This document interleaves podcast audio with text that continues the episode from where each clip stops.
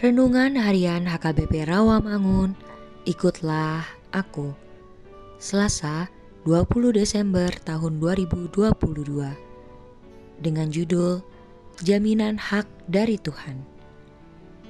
Bacaan pagi kita pada hari ini diambil dari Lukas 1 ayat 39 sampai 56. Bacaan malam kita pada hari ini diambil dari Yesaya 64 ayat 1 sampai 11.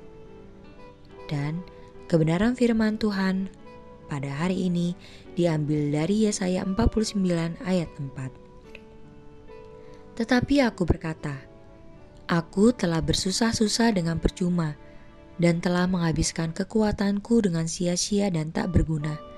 Namun hakku terjamin pada Tuhan dan upahku pada Allah. Demikianlah firman Tuhan. Sahabat, ikutlah aku yang dikasihi Tuhan Yesus. Pelayanan para nabi selaku hamba-hamba Allah penuh dengan kekecewaan dan pertentangan dari banyak orang Israel.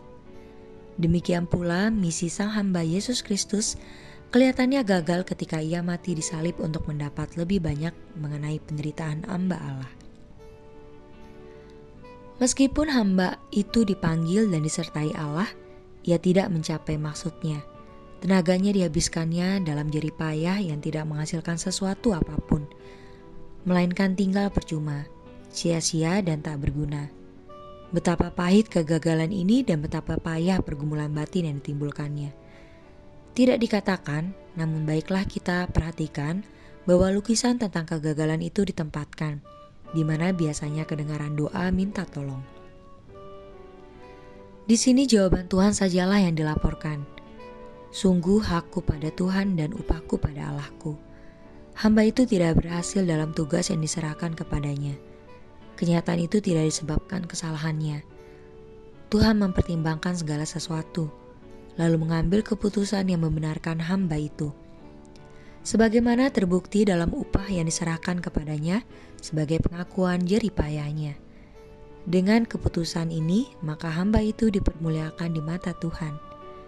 Israel tidak diselamatkan demi kepentingannya sendiri saja, melainkan supaya ia menjadi saksi Tuhan di depan segala bangsa. Sekarang kitalah yang menjadi saksi kebenaran itu. Amin. Marilah kita berdoa. Tuhan Yesus, bukakanlah mata hati kami agar kami selalu sadar bahwa hanya Engkau yang dapat mengusir ataupun menghilangkan rasa kepahitan hidup kami. Amin.